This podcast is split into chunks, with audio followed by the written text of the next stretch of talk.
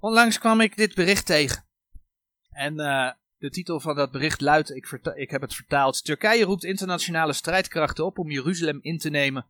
Zacharias profetie van Gog en Magog. Dat is de titel van het artikel. Het is een artikel van 18 mei, dus dat is nog niet zo heel erg oud. Er is natuurlijk naar alle, uh, aanleiding van allerlei gedoe in Israël over die strijd die daar weer is.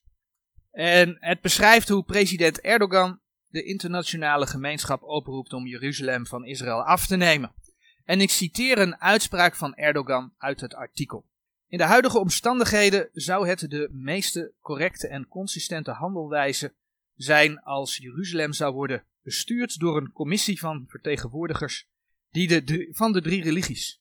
Anders lijkt het er niet op dat het gemakkelijk mogelijk zal zijn om blijvende vrede te bereiken in deze oude stad. Tot zover het citaat. Dit is natuurlijk een typische uitspraak voor een moslimleider. Omdat deze zegt te willen dat Jeruzalem zowel onder moslim als joods als christelijk bestuur komt. Typisch voor deze tijd, omdat het aansluit bij wat Rome wil. Eén wereldreligie met de paus als geestelijk leider. Dat is waar Rome naar streeft. De paus die wil ook steeds samen bidden met religieuze leiders uit, uit, uh, uit de moslimwereld. Tekenend voor de tijd, omdat we weten uit Openbaring 17 waar het naartoe gaat. De eindtijd wordt gekenmerkt door Openbaring 17, de grote hoer. Verborgenheid, het grote Babylon, de moeder der hoererijen. Die de gelovigen in de Heer Jezus doodt. Allemaal te vinden in Openbaring 17, vers 1, vers 5, vers 6. En uiteindelijk weten we dat de antichrist die naar voren gaat komen, alle verering naar zichzelf zal toetrekken. Eh, en Daniel maakt zelfs duidelijk, hij zal zich als God laten vereren, dat staat in 2 Thessalonicense 2. Maar hij zal ook zijn God vereren. Als je bedenkt dat de antichrist onder de Satan, onder de draak staat, dan snap je wie de God van de antichrist is. Dus zo'n bericht bepaalt je weer ja, in, in, in welke tijd je leeft. Nu zegt dat artikel ook dat het de situatie schetst, schetst vlak voor de profetie over Gog en Magog en Zacharia. En alhoewel men wel aangeeft dat het het begin is van wat de Bijbel daarover zegt, gaan ze daar dus wel van uit. Rabbi die zegt, en ik citeer weer één regel, dit is natuurlijk waar Zacharia naar verwees toen hij Gog en Magog beschreef met alle naties die tegen Jeruzalem opstonden. De rabbi geeft aan dat het een wonder is dat men nog niet gezamenlijk tegen Israël is opgestaan, maar dat dat alleen maar gebeurt als God het verordent. En dan zegt de rabbi, en ik citeer weer één regel, en de uiteindelijke verlossing staat voor de deur en de geschiedenis loopt ten einde op weg naar de finale. Einde citaat. Het droevige aan dit bericht is dat men de Messias verwacht alleen op een verkeerd moment. De Joodse rabbies, we hebben het vanmorgen over het recht snijden van Gods woord gehad, de Joodse rabbies kunnen het woord niet recht snijden. En komen dus beschaamd uit. Want alleen als je het woord recht snijdt, heb je die belofte niet beschaamd uit te komen. 2, 2 Timotheus, sorry, 2 vers 15. Ze kennen Jezus Christus niet. Ze zien de gemeentetijd niet. En wat ze verwachten is de strijd van Armageddon. En dat zal zich plaatsvinden aan het eind van de grote verdrukking. Terwijl de Bijbel ook laat zien dat er daarvoor nog een heleboel andere, of een heleboel, een aantal andere strijden zullen zijn.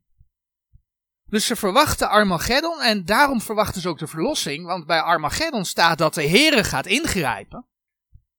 Maar die strijd is er nog niet. Dat is pas aan het eind van de grote verdrukking en daar zitten we nog niet. Eerst zal die grote verdrukking moeten plaatsvinden, wat inhoudt dat Israël korte tijd de verkeerde Messias zal aannemen. Dus je voelt het wel aankomen, ze verwachten verlossing. Ja, daar komt straks iemand en die gaat verlossing geven. Maar dat is wel de valse Messias.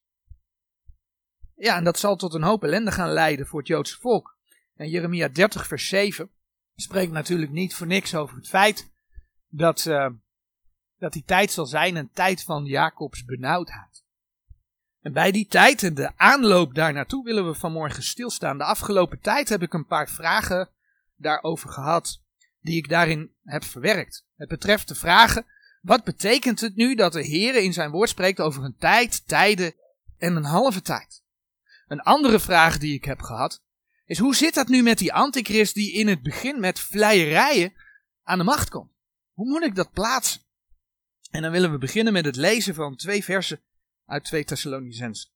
2 Thessalonicenzen 2, de eerste twee versen. 2 Thessalonicenzen 2, vers 1 en 2. En wij bidden u, broeders, door de toekomst van onze Heer Jezus Christus en onze toevergadering tot Hem, dat gij niet haastelijk bewogen wordt van verstand of verschrikt, noch door geest, noch door woord, noch door zendbrief als van ons geschreven, alsof de dag van Christus aanstaande waren. Begin vorig jaar heb ik gesproken over het thema die hem nu wederhoudt. De aanleiding van het geschriftgedeelte 2 Thessalonicense 2 vers 1 tot en met 12. En het ging dan met name om de versen 2 Thessalonicense 2 vers 3 en vers 7. Waarvan altijd, sorry, bijna altijd gezegd wordt dat het gaat over de opname van de gemeente.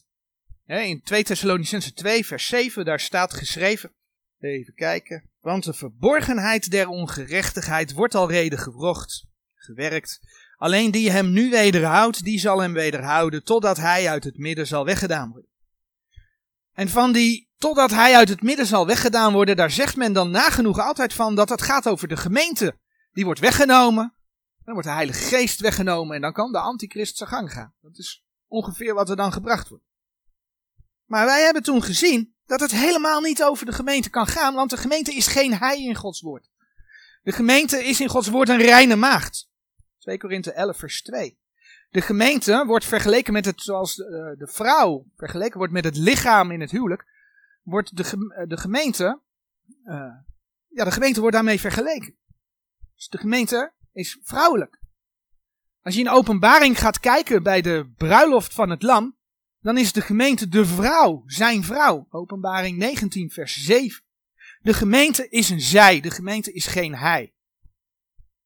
Het kan ook niet slaan op de Heilige Geest. Hij die uit het midden weggedaan wordt. Eén, de Heilige Geest wordt niet uit het midden van de gemeente weggenomen, want de gemeente is verzegeld, wordt, is daarom behouden, wordt opgenomen. Maar we hebben ook gezien dat de Heilige Geest in de grote verdrukking nog steeds op aarde werkt. Dat kun je onder andere lezen in Openbaring 11, vers 11. Dus de gemeente gaat wel naar de Here toe, de gemeente die verzegeld is door de Heilige Geest met de opname van de gemeente. Maar daarmee is de Heilige Geest niet van de aarde weg. God werkt gewoon op deze aarde door zijn geest. Nou, we hebben toen gezien dat het de Here is die weerhoudt maar dat het niet over de opname van de gemeente gaat. Als je in 2 Thessalonicense 2 vers 3 kijkt, dan staat daar iets geschreven. 2 Thessalonicense 2 vers 3. Dat u niemand verleide in enige wijze, want die komt niet, tenzij dat eerst de afval gekomen is en dat geopenbaard is de mens der zonde, de zoon des verderfs. Dat is 2 Thessalonicense 2 vers 3. We zagen dat een komma daar hebben we onlangs nog bij stilgestaan toen we bij een van die delen over het rechtsnijden van Gods woord, dat een komma soms voor een periode van tijd kan staan. Soms voor 2000 jaar, maar soms ook voor drie of drieënhalf jaar. En hier staat die komma, die tussen de mens der zonde staat en de zoon des verderfs, voor een periode van drieënhalf jaar. Als de antichrist op het toneel komt, dan komt hij eerst als de mens der zonde. Maar na drieënhalf jaar loopt hij een dodelijke wond op, waarvan hij geneest al dan niet opstaat uit de dood. En dan neemt de duivel bezit van hem, waardoor hij terugkeert, waardoor hij terugkeert als de zoon des verderfs. En wat je in 2 Thessalonicense 2 vers 7 dan leest, is het volgende. Dat alleenlijk die hem nu wederhoudt, is de Heere die de zoon des verderfs nog wederhoudt. Vervolgens lees je, die zal hem wederhouden. Dat is dus de Heere die die zoon des verderfs zal wederhouden. En vervolgens lees je, totdat hij uit het midden zal weggedaan worden. En zonder de teksten te veranderen, kun je daar dus lezen. Totdat de mens der zonde uit het midden van de grote verdrukking weggedaan wordt. Het is gewoon bijbels. Geen, er is geen tekst aangepast. Heel vaak zie je dat in de eerste verse van 2 Thessalonicense 2 daar staat in de Statenbijbel de dag van Christus. In nieuwe vertalingen wordt daar de dag des Heren van gemaakt. En zo zie je hoe men naar een bepaalde leer toe gaat door het woord van God aan te passen. Maar dat is helemaal niet nodig. We lezen gewoon wat er staat. En het vervolg klopt dan ook. Want als die mens der zonde uit het midden is weggedaan, 2 Thessalonicense 2 vers 7, dan volgt in 2 Thessalonicense 2 vers 8, en als dan zal de ongerechtige geopenbaard worden, de welke de Heere verdoen zal door de geest zijns monds en te niet maken door de verschijning zijner toekomst. Het is de antichrist, in zijn tweede verschijning zeg maar, als de zoon des verderfs, die inderdaad, openbaring 19 vers 15 en 20, door de Heere teniet gemaakt gaat worden. Dus in de context klopt het zo gewoon. Nou, ik begrijp dat ik nu in een hele korte samenvatting geef van twee teksten die best wel moeilijk zijn, lastig zijn. Wil je dit alsnog naluisteren, dan kan dat uh, onder samenkomst op zondag en dan de dienst van 9 februari 2020. En de titel die hem nu wederhoudt. Of er is een gelijknamig artikel op de site, dus die hem nu wederhoudt. Maar dat artikel is uitgebreider dan, dan het audiobestand. Die kun je ook lezen. Dat staat onder Bijbelstudies, de toekomst en dan dus het artikel die hem nu wederhoudt. Dit is wel de basis voor deze boodschap. Maar als ik dat weer helemaal ging uitwerken, dan kwamen we niet aan de boodschap toe. Dus ik heb geprobeerd in het kort de, de essentie weer te geven. En ik hoop dat die duidelijk is. Maar allereerst wil ik nog naar die 3,5 jaar kijken. Waar komt die 3,5 jaar vandaan? Nou, allereerst blijkt uit Daniel 9, vers 24 tot en met 27 dat de grote verdrukking de laatste jaarweek van 70 jaarweken is. En dat wil zeggen dat de grote verdrukking zeven profetische dagen van één jaar duurt, oftewel de grote verdrukking duurt zeven jaar. En ook dat noem ik nu gewoon. Dat kun je allemaal in de Bijbel vinden. ga ik nu niet bespreken. Wil je dat lezen wat daarachter zit op de site www.bijbelengeloof.com onder het menu de toekomst, Bijbelstudies de toekomst, zit daar een artikel de 70ste jaarweek. Daar is dat in uitgewerkt. Waarom is die grote verdrukking zeven jaar? En ik zeg nu grote verdrukking is zeven jaar. Ik ga dat straks nog meer gedetailleerd, want eigenlijk is de grote verdrukking geen zeven jaar. De 70ste jaarweek is zeven jaar. De grote verdrukking is korter. Maar daar kom ik zo meteen op terug. Dus dat is ook terug te lezen op de site. Maar het mooie is dat andere Bijbelgedeelten, dan komt die sheet weer, laten zien dat de, dat de 70ste jaarweek bestaat uit twee keer drie en een half jaar. In Daniel 9 vers 27, en laten we dat vers even lezen. Daar wordt gesproken over het verbond dat de antichrist met Israël gaat maken. Daniel 9 vers 27. En hij zal velen het verbond versterken één week. En in de helft der week zal hij het slachtoffer en het spijsoffer doen ophouden. En over de gruwelijke vleugel zal een verwoester zijn, ook tot de voleinding toe. Die vastelijk besloten zijnde zal uitgestort worden over de den verwoesten. Er komt dus eerst een verbond met Israël. Maar dat verbond wordt dus op de helft van die 70ste jaarweek wordt dat verbroken. En dat is volgens ditzelfde vers dat moment dat de Joodse tempeldienst, die er dan dus weer zal zijn, zal stoppen. Die antichrist gaat een eind maken aan de Joodse tempeldienst. Hij zal de offer stoppen. En waarvan geschreven staat en over de gruwelijke vleugel zal een verwoester zijn. Nou, waar komen we dat nog meer tegen? Dat kom je in tegen in Matthäus 24, vers 25.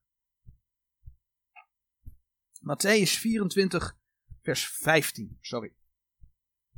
Dat is dus het moment dat die antichrist zich volgens 2 Thessalonicense 2 vers 4 in de tempel zal zetten en zich boven alles zal verheffen. We hebben 2 Thessalonicense 2 vers 3 gelezen. En 2 Thessalonicense 2 vers 3 zegt dat u niemand verleiden in enige wijze, want die komt niet tenzij dat eerste afval gekomen is en dat geopenbaard is, de mens der zonde, de zoon des verderfs. En dan zegt vers 4, die zich tegenstelt en verheft boven al wat God genaamd of als God geëerd wordt, alzo dat hij in de tempel Gods als een God zal zitten, zichzelf vertonende dat hij God is. Dat is wat die antichrist gaat doen. Hij stopt het offeren, de offers van het Joodse volk en hij gaat zichzelf laten vereren. Maar dat is ook het moment dat de antichrist, en dan bladeren we naar openbaring 13, die dodelijke wond krijgt. En waar hij van geneest, al dan niet opstaat uit de dood. Je kunt dat lezen in openbaring 13 vers 2 en vers 3. Daar staat geschreven over het beest en ik zag een van zijn hoofd als tot de dood gewond en zijn dodelijke wond werd genezen en de gehele aarde verwonderde zich achter het beest en zij aanbaden de draak die het beest macht gegeven had en zij aanbaden het beest zeggende wie is dit beest gelijk, wie kan krijg voeren tegen het zelf. En het vervolg daarvan, als dat gebeurd is, die dodelijke wond waarvan die geneest, daarvan staat dan in openbaring 13 vers 5 dat dat vervolg 42 maanden duurt. Vers 5. En hetzelfde werd een mond gegeven om grote dingen en godslasteringen te spreken. En hetzelfde werd macht gegeven om zulks te doen 42 maanden. 42 maanden. Als dat de tweede helft is, die dus 42 maanden duurt, de helft, dan duurt de eerste helft ook 42 maanden. Nou, 42 maanden is, als je dat deelt door 12, 3,5 jaar. 2 keer 3,5 bij elkaar is 7 jaar. Dus we hebben een periode van 7 jaar, verdeeld in twee delen. Een periode van 7 jaar, verdeeld in twee delen van elk 3,5 jaar. En dan komt hij. Doe ik zelf ook. Als ik over de grote verdrukking spreek, heb ik het eigenlijk altijd over 7 jaar. Maar het is de Heer Jezus die bij dat tweede deel spreekt over grote verdrukking. We hebben net uh, Matthäus 24 genoemd. Maar na Matthäus 24 vers 15, waar je leest dat de antichrist zich in de tempel zal zetten, daar lees je ook vers 21. In Matthäus 24 vers 15, daar lees je dus wanneer gij dan zult zien de gruwel der verwoestingen, dat is waar Daniel over spreekt. Dat is de helft van de 70ste jaarweek, waarvan gesproken is door Daniel de profeet, staande in de heilige plaats, die het leest, die merken daarop. En dan lees je in vers uh, eh, 21, want als dan zal grote verdrukking wezen, hoedanige niet is geweest van het begin der wereld tot nu toe en ook niet zijn zal. Matthäus 24 vers 21. Dus de Heer Jezus geeft aan dat het tweede deel, wanneer de antichrist in de tempel heeft gezet, dat dat grote verdrukking is. Ja, Daniel spreekt over de 70ste jaarweek, periode van zeven jaar. Heer Jezus zegt, de tweede drieënhalf jaar is de grote verdrukking. Grote verdrukking. In dat tweede deel hebben we te maken met die zoon des verderfs. Volgens 2 Thessalonicense 2 vers 3. En dan komt hij. Dan gaan we het hebben over die tijd, tijden en een halve tijd. Er zijn teksten die gaan over deze periode. Die niet spreken over 42 maanden. Maar die spreken over een tijd en tijden en een halve tijd. Nou, een voorbeeld daarvan is Openbaring 12 vers 14. Gaan we niet opzoeken. Openbaring 12 vers 14 spreekt over een tijd en tijden en een halve tijd. Maar er zijn varianten op en één zo'n variant vinden we in Daniel 12. Daniel 12 vers 7. En dan lezen we in Daniel 12 vers 7. En ik hoorde die man bekleed met linnen, die boven op het water van de rivier was, en hij hief zijn rechter en zijn linkerhand op naar de hemel, en zwoer bij dien die eeuwiglijk leeft, dat na een bestemde tijd, bestemde tijden en een helft, en als hij zal voleind hebben, te verstrooien, de hand des heilige volks, al deze dingen voleind zullen worden. Hier zie je dus tijd, tijden en een helft. En nog weer een variant daarop is uh, Daniel 7 vers 25. Maar het gaat dus om een tijd, tijden en een halve tijd. Als je dan dus schrift met schrift gaat vergelijken over diezelfde periode. En je ziet dat je te maken hebt met 42 maanden. Drie en een half jaar. Dan staat tijd dus voor een jaar. Dan staat tijden voor twee jaar. En dan staat een halve tijd voor een half jaar. Bij elkaar drie en een half jaar. Dat is de enige verklaring, schrift met schrift vergelijkend, die daarover te vinden is. Dus het is gewoon een andere manier om hetzelfde te zeggen. Het eerste deel van die tijd, ik heb net het tweede deel genoemd, het eerste deel, ook 3,5 jaar, hebben we te maken met de mens der zonde. De mens der zonde, waar de Satan nog niet ingetrokken is. Maar als we dan dus 2 Thessalonicense 2 vers 3 lezen, dan lezen we dus dat de mens der zonde, die 3,5 jaar later de zoon des verderfs is, geopenbaard moet zijn voordat die komt. 2 Thessalonicense 2 vers 3. Dat u niemand verleiden in enige wijze, want die komt niet tenzij dat eerst de afval gekomen is en dat geopenbaard is de mens der zonde, de zoon des verderfs. Nou, die komt niet, dat verwijst naar de dag van Christus. Oftewel, onze toevergadering tot hem. In vers 1. De dag van Christus wordt in vers 2 genoemd. Het heeft dus te maken met de opname van de gemeente. En de opname van de gemeente komt dus niet voor de afval van het geloof, daar zitten we middenin. sinds 1880, een hele vloed aan nieuwe vertalingen. Mensen bewaren Gods woord niet meer, weten überhaupt niet meer wat dat inhoudt.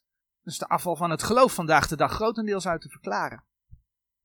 Maar dat tweede deel van dat vers, dat geopenbaard is, de mens der zonde, de zoon des verderfs, dat is nog helemaal niet aan de orde.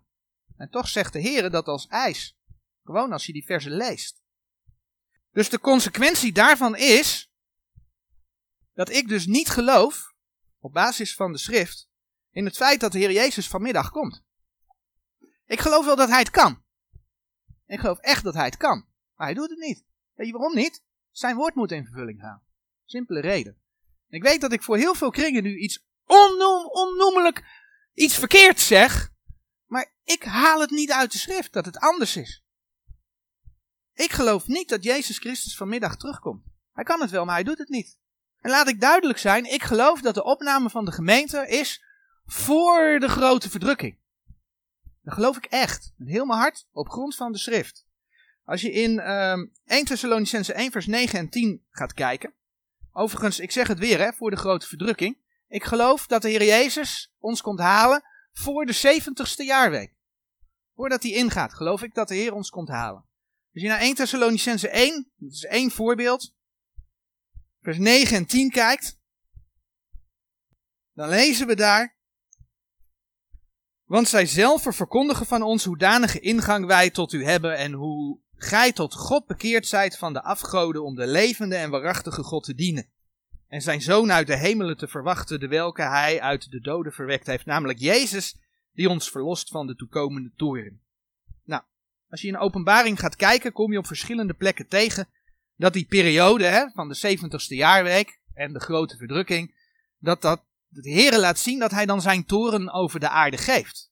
De brieven aan de gemeente zijn duidelijk. Gemeente is niet gesteld tot toren. Voor mij het bewijs dat voordat dit alles gaat uitrollen, dat de Heer ons thuis haalt. Maar ik geloof dus niet, in het Engels is daar een heel mooi woord voor. Lees nog wel eens de een en ander in het Engels en daar wordt dat woord altijd gebruikt. Dat zijn komst imminent is. Kan ieder moment gebeuren. En voor de meesten is dat dan ook al 2000 jaar lang. Alle profetieën zouden hè, 2000 jaar geleden ongeveer al vervuld zijn. Dus we leven al 2000 jaar met de verwachting dat de Heer ieder ogenblik kan terugkomen. Ik geloof het niet.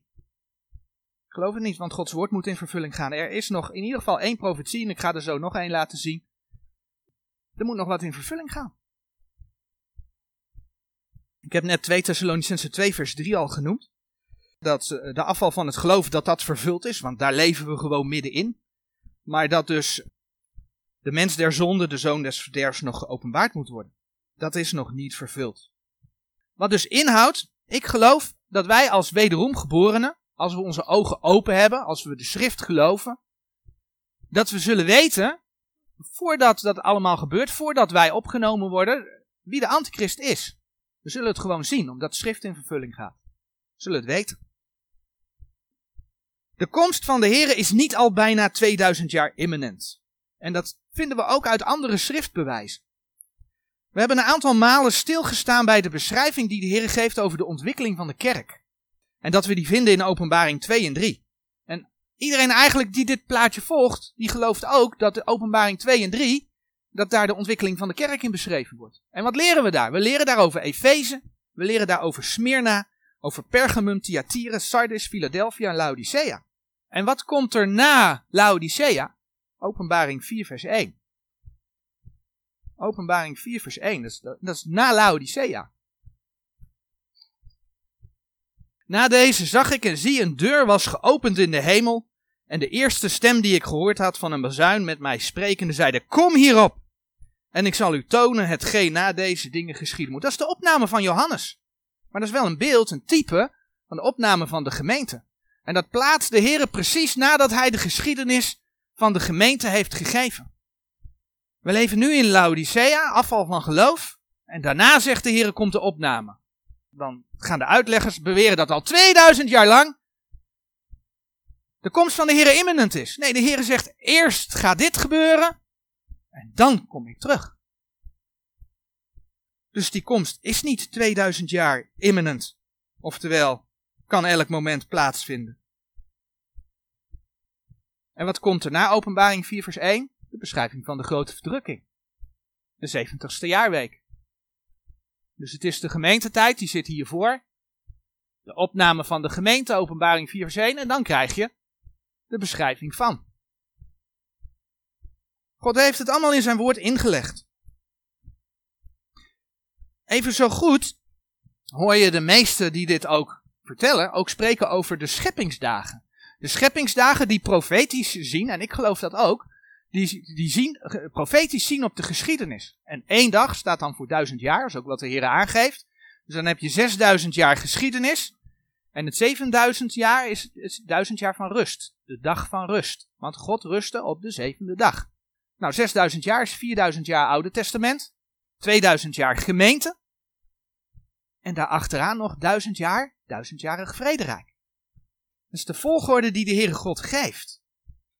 En nou laat hij dus in zijn woord zien dat dat duizendjarig vrederijk voorafgaat met een zevenjarige grote verdrukking. Zevenjarig, zeventigste jaarweek, waarvan drieënhalf jaar grote verdrukking.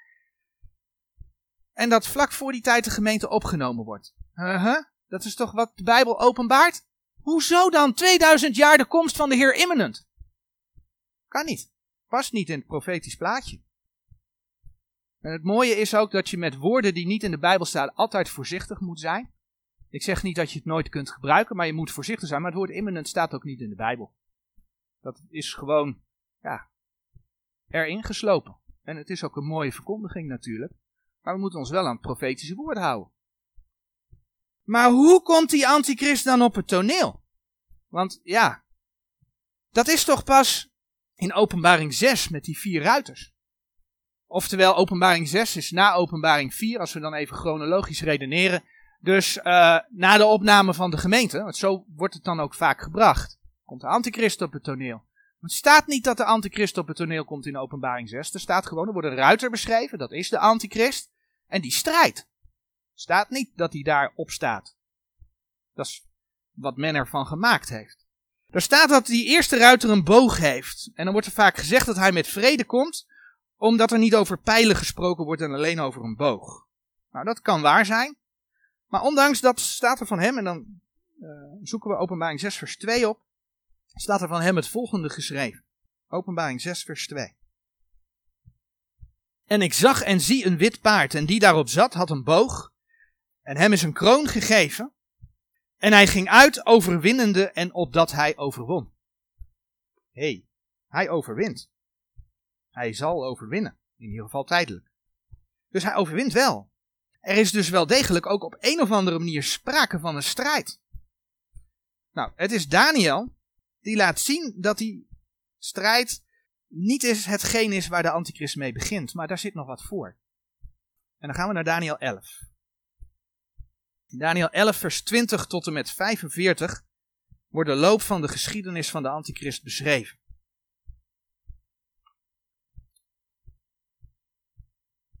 En dat het om de antichrist gaat, dat zie je met name als je dat even snel in, in, zeg maar in één oogopslag wil zien.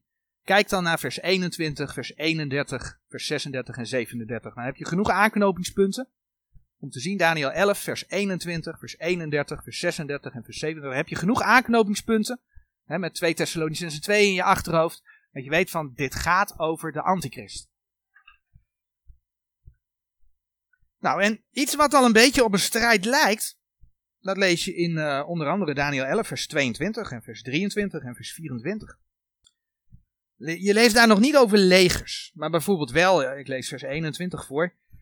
eh, nee, sorry, vers 22. En de armen der overstroming zullen overstroomd worden wat voor zijn aangezicht, van voor zijn aangezicht en ze zullen gebroken worden en ook de vorst des verbonds. Vers 23 spreekt dan over uh, hij zal optrekken. En vers 24 spreekt dan over het feit, even kijken, roof en buit en goederen zal hij onder hen uitstrooien. Nou, hoe kom je aan roof en buit en goederen? Het is iemand die ten strijde trekt. En dan spreekt vanaf Daniel 11 vers 25 wordt er opeens over een grote heerkracht gesproken. Nou, dat alles verwijst naar wat we over die eerste ruiter in openbaring 6 gelezen hebben. Dus in Daniel 11, vanaf vers 22, herkennen we die ruiter die overwint. Maar voordat alles, lees je in Daniel 11, vers 21 het volgende. Daarna zal er een verachte in zijn staat staan, de welke men de koninklijke waardigheid niet zal geven, doch hij zal in stilheid komen en het koninkrijk door vleierijen bemachtigen. Voordat de beste man een verbond kan sluiten met Israël, zien we dus dat hij eerst door vleierijen, hij is niet geliefd onder de wereldleiders, maar hij komt door vleierijen aan de macht. Daar gaat iets aan vooraf. En pas later gaat hij strijden. Dus voor de strijd komt de antichrist politiek op het toneel van deze wereld. Zoals gezegd, niet geliefd door de wereldleiders, maar door vleierijen aan de macht. En dat heb ik hier dus aangegeven. Daniel 9, vers 27 zegt dat die 70ste jaarweek begint met dat verbond. Maar voor die tijd is hij echt al met zijn vleierijen bezig. Dus ik heb dat lijntje heb ik terug laten lopen voor het begin van, van de 70ste jaarweek. Hier is de antichrist, de mens der zonde, is hier al bezig. En dat is dus de tijd voor openbaring 6 dat hij gaat strijden. Dat we als gemeente door kunnen hebben wie het betreft en dat we vervolgens opgenomen kunnen worden. Past gewoon in het Bijbels plaatje. Zonder teksten te veranderen uit de context te halen. Schrift met schrift vergelijkend kom ik tot deze conclusie. En dat geeft mij dus de overtuiging, wat ik dus eerder zei, dat ik niet geloof dat de Heer vanmiddag al terugkomt. Het kan zo zijn dat de antichrist zometeen in het journaal verschijnt en dan komt de Heer misschien wel vanmiddag. Soms gaan dingen heel snel, dat hebben we met de coronacrisis gezien. Maar ik geloof op grond van Gods woord dat we nog het een en ander gaan meemaken voor die tijd. En daar wil ik zo meteen naartoe. Heel simpel, omdat nog niet alle profetieën in vervulling gegaan zijn. Is het dat ik de antichrist verwacht? Want dat wordt dan vaker als weerlegging gegeven. Ja, maar dan verwacht je de antichrist. Nee, alsjeblieft niet. Ik verwacht de Heer Jezus. Maar ik geloof wel, net zoals al die andere profetieën, dat Gods woord in vervulling moet gaan. Een tweede profetie die waarschijnlijk ook nog in vervulling moet gaan, lezen we in Daniel 11, vers 20. Vlak voordat de antichrist op het toneel verschijnt, is er eerst nog een andere persoon op het toneel. En dan lezen we in vers 20, en in zijn staat zal er een opstaan, doende een geldijzer doortrekken in koninklijke heerlijkheid, maar hij zal in enige dagen gebroken worden, nochtans niet door toornigheden, noch door oorlog. Er zal dus op de een of andere manier een wereldwijde belasting opgelegd worden. Net als toen de Heer Jezus de eerste keer op aarde kwam. Dus in Lucas 2, vers 1. Kun je dat lezen? Nou, typisch vond ik het uh, uh, nieuwsbericht wat onlangs langskwam. Dit berichtje is typisch.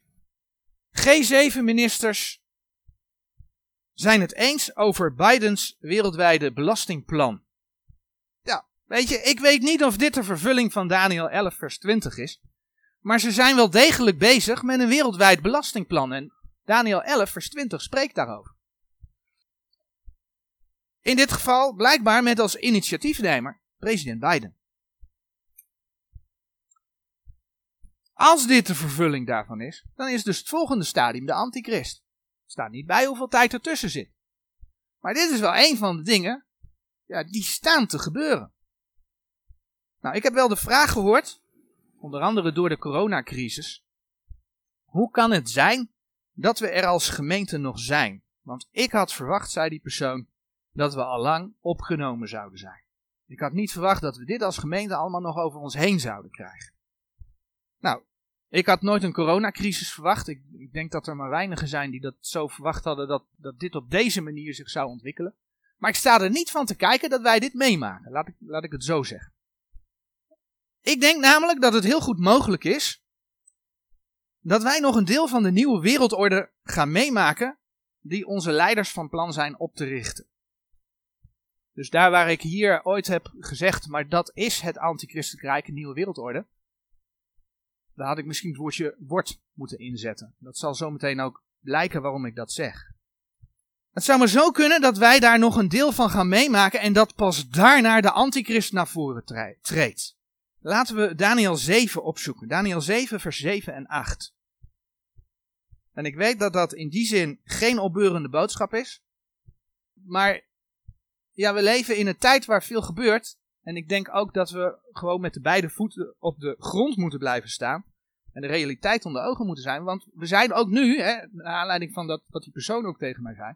We zijn er nog. We maken dit mee. Daniel 7, vers 7 en 8. Daarna zag ik in de nachtgezichten en zie het vierde dier was schrikkelijk en gruwelijk en zeer sterk. En het had grote ijzeren tanden. Het at en verbrijzelde en vertrad het overige met zijn voeten. En het was verscheiden van al de dieren die voor hetzelfde geweest waren. En het had tien hoornen. Ik nam acht op de hoornen en zie, een andere kleine hoorn kwam op tussen dezelfde.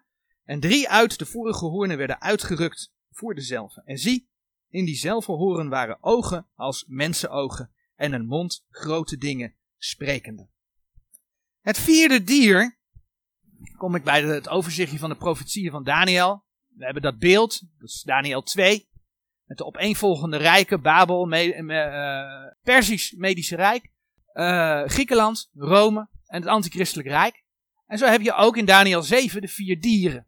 De leeuw, de beer, de luipaard en uiteindelijk dat schrikkelijke beest wat dan het Antichristelijk Rijk is. Waarbij wij zeggen dat is het antichristelijk rijk. Maar als je ook vers 23 en 24 erbij lijst, dan zie je dat er een volgorde is. Dat dier dat verbrijzelt, dat eet de hele aarde op. En uit dat dier komen tien hoornen. En pas na die tien hoornen, daar zie je een, een opeenvolging in. Pas na die tien hoornen komt die kleine hoorn. Met andere woorden, binnen dit rijk gebeurt nog van alles. Oké, dus jij beweert dat het nog 100 jaar gaat duren. Nee, dat beweer ik niet. Dat heb ik niet beweerd. Wil ik ook helemaal niet beweren. Als we zien naar wat er allemaal om ons heen gebeurt, dan weten we dat de Heer nabij is.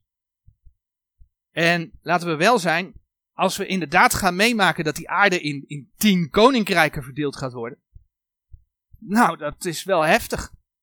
Maar hebben wij niet het afgelopen jaar meegemaakt hoe deze wereld in een jaar tijd enorm veranderd is? En hoe ze eigenlijk van al die westerlingen die een vrijheid gewend zijn, makke schapen gemaakt hebben die, die gewoon ze achterna lopen. In een jaar tijd.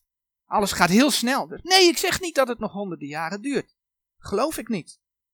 Maar ik denk wel dat het laat zien dat er nog wat nodig is om zover te komen. En het is dan ook niet voor niets dat Paulus al tegen de Thessalonicensen zei, en dan kom ik bij, terug bij de tekst van vanmorgen die ik gelezen heb, in het begin. 2 Thessalonicensen 2 vers 1 en 2. 2 Thessalonicensen 2 vers 1 en 2.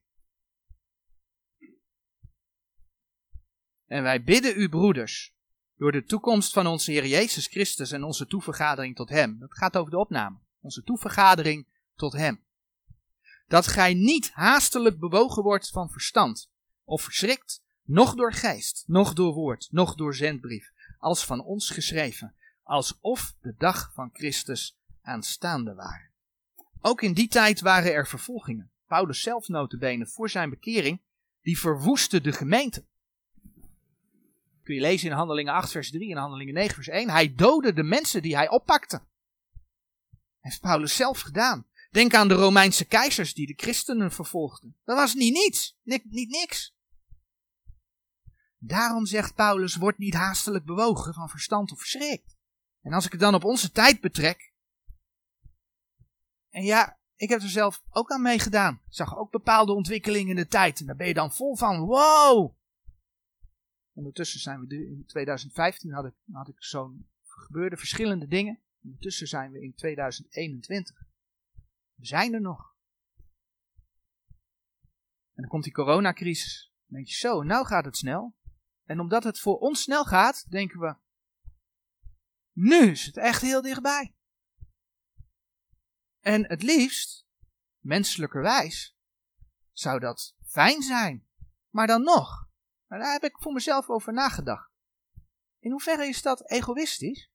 Want ja, ik wil die ellende eigenlijk niet meemaken, hè, die onze leiders over ons heen gooien. Als ze naar een nieuwe wereldorde willen. Willen we niet meemaken. Oh Heer, haal ons thuis. Maar de Heer zegt tegen de gemeente, verspreid mijn woord. Want hij wil die zielen redden. En dan wil ik het liefst zo snel mogelijk naar hem toe. Paulus zegt, het is beter dat ik, ik wil graag bij de Heer zijn, zegt hij. Maar het is beter voor jullie om hier te blijven. Daarom zegt Paulus, word niet haastelijk bewogen van verstand of verschrikt. En dat kunnen wij dus ook in deze tijd zeggen. Laat je niet haastelijk bewogen worden van verstand. Voor alle dingen die er gebeuren. Verschrik niet. En ja, als we om ons heen kijken, zijn komst is dichtbij. Maar om te zeggen, ik hoop dat de Heer vanmiddag komt. Ja, ik weet gewoon vanuit Gods woord dat er nog wat moet gebeuren. En dan heb ik in afhankelijkheid van Hem te leven. Dan hebben wij, heb jij, als lid van de gemeente, als kind van God, gewoon te leven tot eer van Zijn naam. Want je bent al uit de wereld getrokken. Je bent nog niet naar de Heer. Je bent nog niet opgenomen. Maar je bent wel uit de wereld getrokken. Daar hebben we bij stilgestaan toen we stilstonden bij de gemeente. We zijn toch vreemdelingen en bijwoners op deze aarde. Ja, dat is heel lang heel goed gegaan in ons vrije Nederlandje. We konden alles doen en maken wat we wilden. Maar nu wordt het misschien wat moeilijker. En we zijn nog steeds vrij om samen te komen. Dank u wel, Heer. Mogen we voor bidden dat, dat, dat de Heer daar de genade voor blijft geven. Maar we zijn vreemdelingen en bijwoners op deze aarde, dus we moeten niet verschrikken, maar we moeten schuilen bij onze Heer. We moeten in afhankelijkheid van Hem in dit leven staan, leven tot eer van Zijn naam voor onze medemens bidden. Gods woord helpen verspreiden om mensen te bereiken met de boodschap van zijn woord. Want dat is het doel van de gemeente. Dat is waarom hij ons eruit heeft getrokken. En dan wil ik graag afsluiten met een lezen van een aantal versen uit Filippenzen 1. Filippenzen 1, vers 27, vanaf vers 27. Dat is een gedeelte nadat Paulus de Filippenzen gegroet heeft nadat hij gezegd heeft dat hij voor ze bidt en dat hij geschreven heeft over de moeilijkheden die hij ervaart, maar daardoor ook de vrucht ervaart van zijn gevangenschap. Filippenzen 1 vanaf vers 27. Hij heeft ze gegroet, hij zegt dat hij voor ze bidt, hij heeft verteld over zijn moeilijkheden van de gevangenschap, maar ook dat hij daardoor vrucht van zijn gevangenschap ervaart. En hij zegt ook dat hij door leven en dood de Here wil dienen. En dan zegt hij vanaf vers 27. Alleenlijk wandelt waardiglijk het evangelie van Christus. Opdat het zij, ik kom en u zie, het zij ik afwezig ben, ik van uw zaken mogen horen, dat gij staat in één geest, met één gemoed, gezamenlijk strijdende door het geloof des evangelies.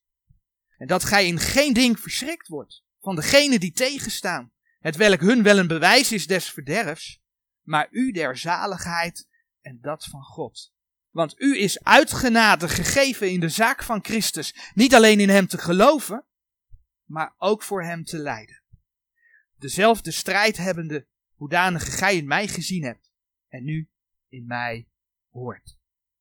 Dat wij, zoals vreemdelingen en bijwoners, op deze aarde mogen bivakeren, totdat onze Heere ons komt halen.